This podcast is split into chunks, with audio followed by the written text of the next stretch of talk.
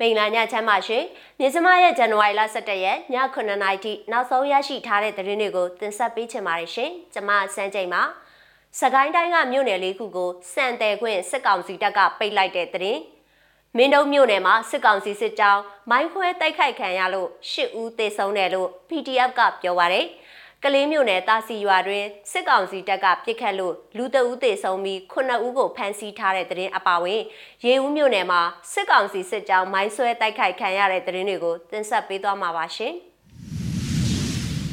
စကိုင်းတိုင်းအတွင်းမှာရှိတဲ့မြို့နယ်လေးခုကိုစစ်ကောင်စီတပ်ကရိတ်ခါဖျက်တောက်မှုတွေပြုလုပ်နေကြောင်းသိရပါဗျ။ မုံရွာမြို့ကနေချင်းတွင်းမြစ်ဖြတ်ကျော်ပြီးတော့ရင်းမပင်နယ်တဲကိုအဝင်ရွှေတောင်ကောအနီးမှာစစ်တပ်ကဂိတ်တစ်ခုပြုတ်လုပြီးတော့စံအိတ်တွေတဲဆောင်ခွင့်ပိတ်ပင်နေတာဖြစ်ပါတယ်။ကျွန်တော်တို့ပြည်သူတွေမုံရွာဘက်ကိုတက်ပြီးစံဝယ်ကြတာစံတအိတ်လောက်တဲတာတောင်တဲခွင့်မပြုတော့ဘူးဂိတ်ကစံအိတ်တွေတိမ့်တယ်လို့ကဏီဒေသခံတအုပ်ကပြောပါတယ်။ ရင်းမပင်ဒေသရွှေတောင်ကုန်းဟာစစ်ကောင်စီတပ်သားဟောင်းစစ်မှုထမ်းဟောင်းတွေနေထိုင်တဲ့နေရာတစ်ခုဖြစ်ပြီးအဲ့ဒီစစ်သားဟောင်းတွေကိုစစ်တပ်ကလက်နက်တပ်ဆင်ပေးထားတာဖြစ်ပါတယ်စစ်သားဟောင်းတွေနဲ့စစ်ကောင်စီတပ်သားအင်အားတရာခန့်ဟာရွှေတောင်ကုန်းအနီးချင်းတွင်းတရားအစင်းကနေမုံရွာရာကြီးကလေးဝနဲ့ပသိမ်မုံရွာအဝေးပြေးလမ်းမပေါ်ဂိတ်၅ခုပြုလုပ်ပြီးတော့စံအိတ်နဲ့အိမ်ဆောက်ပစ္စည်းတည်ယူခွင့်ကိုပိတ်ပင်နေတာဖြစ်ပါတယ်။ မနေ့ကလည်းကျွန်တော်တို့အတိထဲကလူတယောက်စံအိတ်20လောက်တင်လာတာကိုကာရောလူရောစံအိတ်တွေပါဖမ်းထားတယ်လို့ရင်းမပင်ဒေသခံတအူးက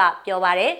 စစ်ကောင်စီတပ်နဲ့ထိတ်တိုက်ထိတွေ့ပြီးတော့တိုက်ပွဲများပြင်းထန်လျက်ရှိတဲ့ချင်းတွင်းမြစ်အနောက်ဘက်ဒေသမှာရှိတဲ့ရင်းမပင်ပလဲကဏီနဲ့မင်းကင်းစတဲ့မြို့နယ်လေးခုကိုစစ်တပ်ကရိတ်ခါဖျက်တောက်နေတာဖြစ်ပါတယ်။ စစ်ကောင်စီကဒီမြို့နယ်တွေကိုရိတ်ခါဖျက်တောက်ဖို့ရည်ရွယ်ချက်နဲ့စံတင်သွင်းရမှာတခုတည်းသောလမ်းကြောင်းဖြစ်တဲ့ချင်းတွင်းတရားထွက်ပေါက်ကိုပိတ်ဆို့ပြီးတော့စံဝယ်ယူမှုကိုတားမြစ်ဖန်ဆီးနေတာဖြစ်ပါတယ်။ဒီလိုပိတ်ဆို့ပြီးစံတဲ့ယူခွင့်ကိုဆက်လက်ထိန်းချုပ်နေမယ်ဆိုရင်မြို့နယ်လေးခုကလူဦးရေ9သိန်းကျော်ရိတ်ခါပြက်လက်မှာဖြစ်ကြောင်းဒေသခံတအုပ်ကပြောပါရရှင်။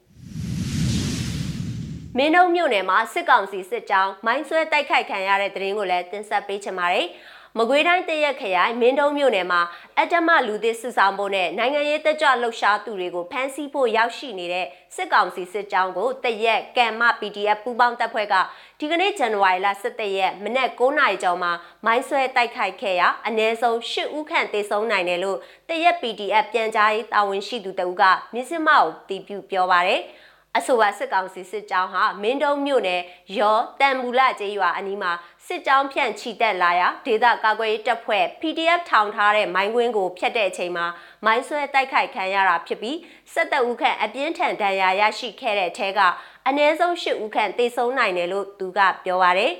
မိုင်းဝင်းထဲကို72ဦးအရောက်မှာမိုင်းဆွဲလိုက်တာဆိုတော့ပြင်းပြင်းထန်ထန်ကိုသူတို့ထိသွားတယ်10ဦးသေနိုင်တယ်လို့တရက် PDF ပြန်ကြားရေးတာဝန်ရှိသူကပြောပါရယ် မင်းတို့မြို့နယ်အလဲချောင်းရွာရောရွာနဲ့တန်မူလရွာတွေမှာလူသစ်စုဆောင်ဖို့နဲ့ PDF တပ်ဖွဲ့ဝင်တွေကိုရှာဖွေဖမ်းဆီးဖို့စစ်ကောင်စီအင်အားတရာဝန်းကျင်ခန့်ရောက်ရှိနေတာဖြစ်တယ်လို့သိရပါဗျ။မင်းတို့မြို့နယ်မှာပြီးခဲ့တဲ့ရက်ပိုင်းကအတမလူသစ်စုဆောင်တာပေါ်တာဆွဲတာတွေကိုစစ်ကောင်စီတပ်ကပြုလုပ်နေတယ်လို့ဒေသကာကွယ်ရေးတပ်ဖွဲ့ကပြောဆိုပါဗျ။ အခုလေသူတို့ကတန်ပူလရွာကိုအင်အားအများပြားနဲ့လာပြီးတော့ချိန်ချောက်ပြီးလူသစ်စုဆောင်းတာနဲ့ PDF တွေရဲ့တရင်ကိုစုံစမ်းတာတက်ကြွလှုပ်ရှားသူတွေကိုလိုက်လံဖမ်းဆီးဖို့လာကြတာပါလို့တရက် PDF တပ်ဖွဲ့ဝင်ကပြောပါတယ်စစ်ကြောင်းဖြန့်ချီတက်လာတဲ့စစ်ကောင်စီစစ်ကြောင်းမိုင်းဆွဲတိုက်ခိုက်ခံရပြီးတဲ့နောက်မှာနှစ်ဖက်တပ်များအကြားနိုင်ဝက်ခန့်အပြန်အလှန်ပစ်ခတ်မှုဖြစ်ခဲ့ပြီးဒေသကာကွယ်ရေးပူးပေါင်းတပ်ဖွဲ့ဘက်ကထိခိုက်မှုမရှိဘဲစုခွာနိုင်ခဲ့ကြောင်းသိရပါတယ်ရှင်။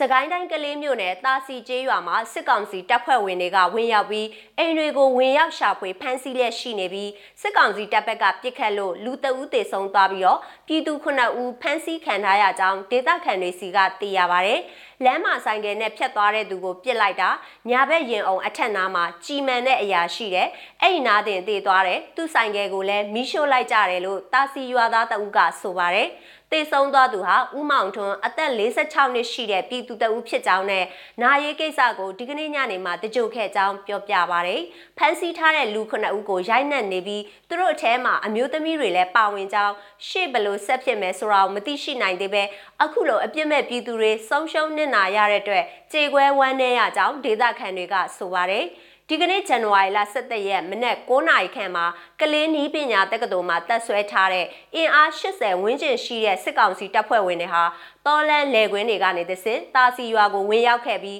အခုလိုပြစ်ခတ်မှုတွေပြုလုပ်ပြီးဖမ်းဆီးရိုက်နှက်မှုတွေပြုလုပ်နေကြောင်းသိရပါတယ်ရှင်။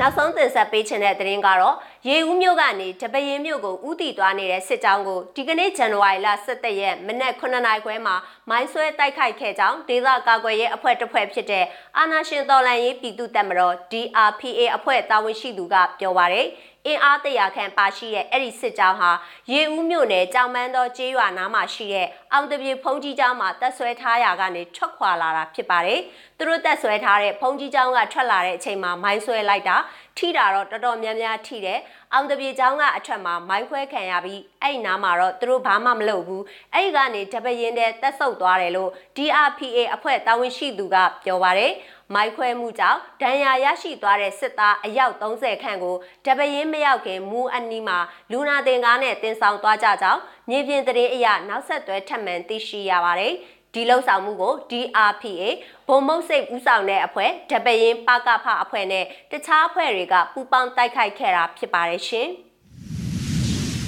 ရေစမရဲ့ဇန်နဝါရီလ17ရက်ည9:00နာရီထိနောက်ဆုံးရရှိထားတဲ့သတင်းတွေကိုတင်ဆက်ပေးခဲ့တာပါကြည့်ရှုအားပေးတဲ့အတွက်ကျေးဇူးအထူးတင်ရှိပါတယ်မြန်မာပြည်သူတွေဘေးရန်တဲ့အပေါင်းကကင်းဝေးကြပါစေရှင်။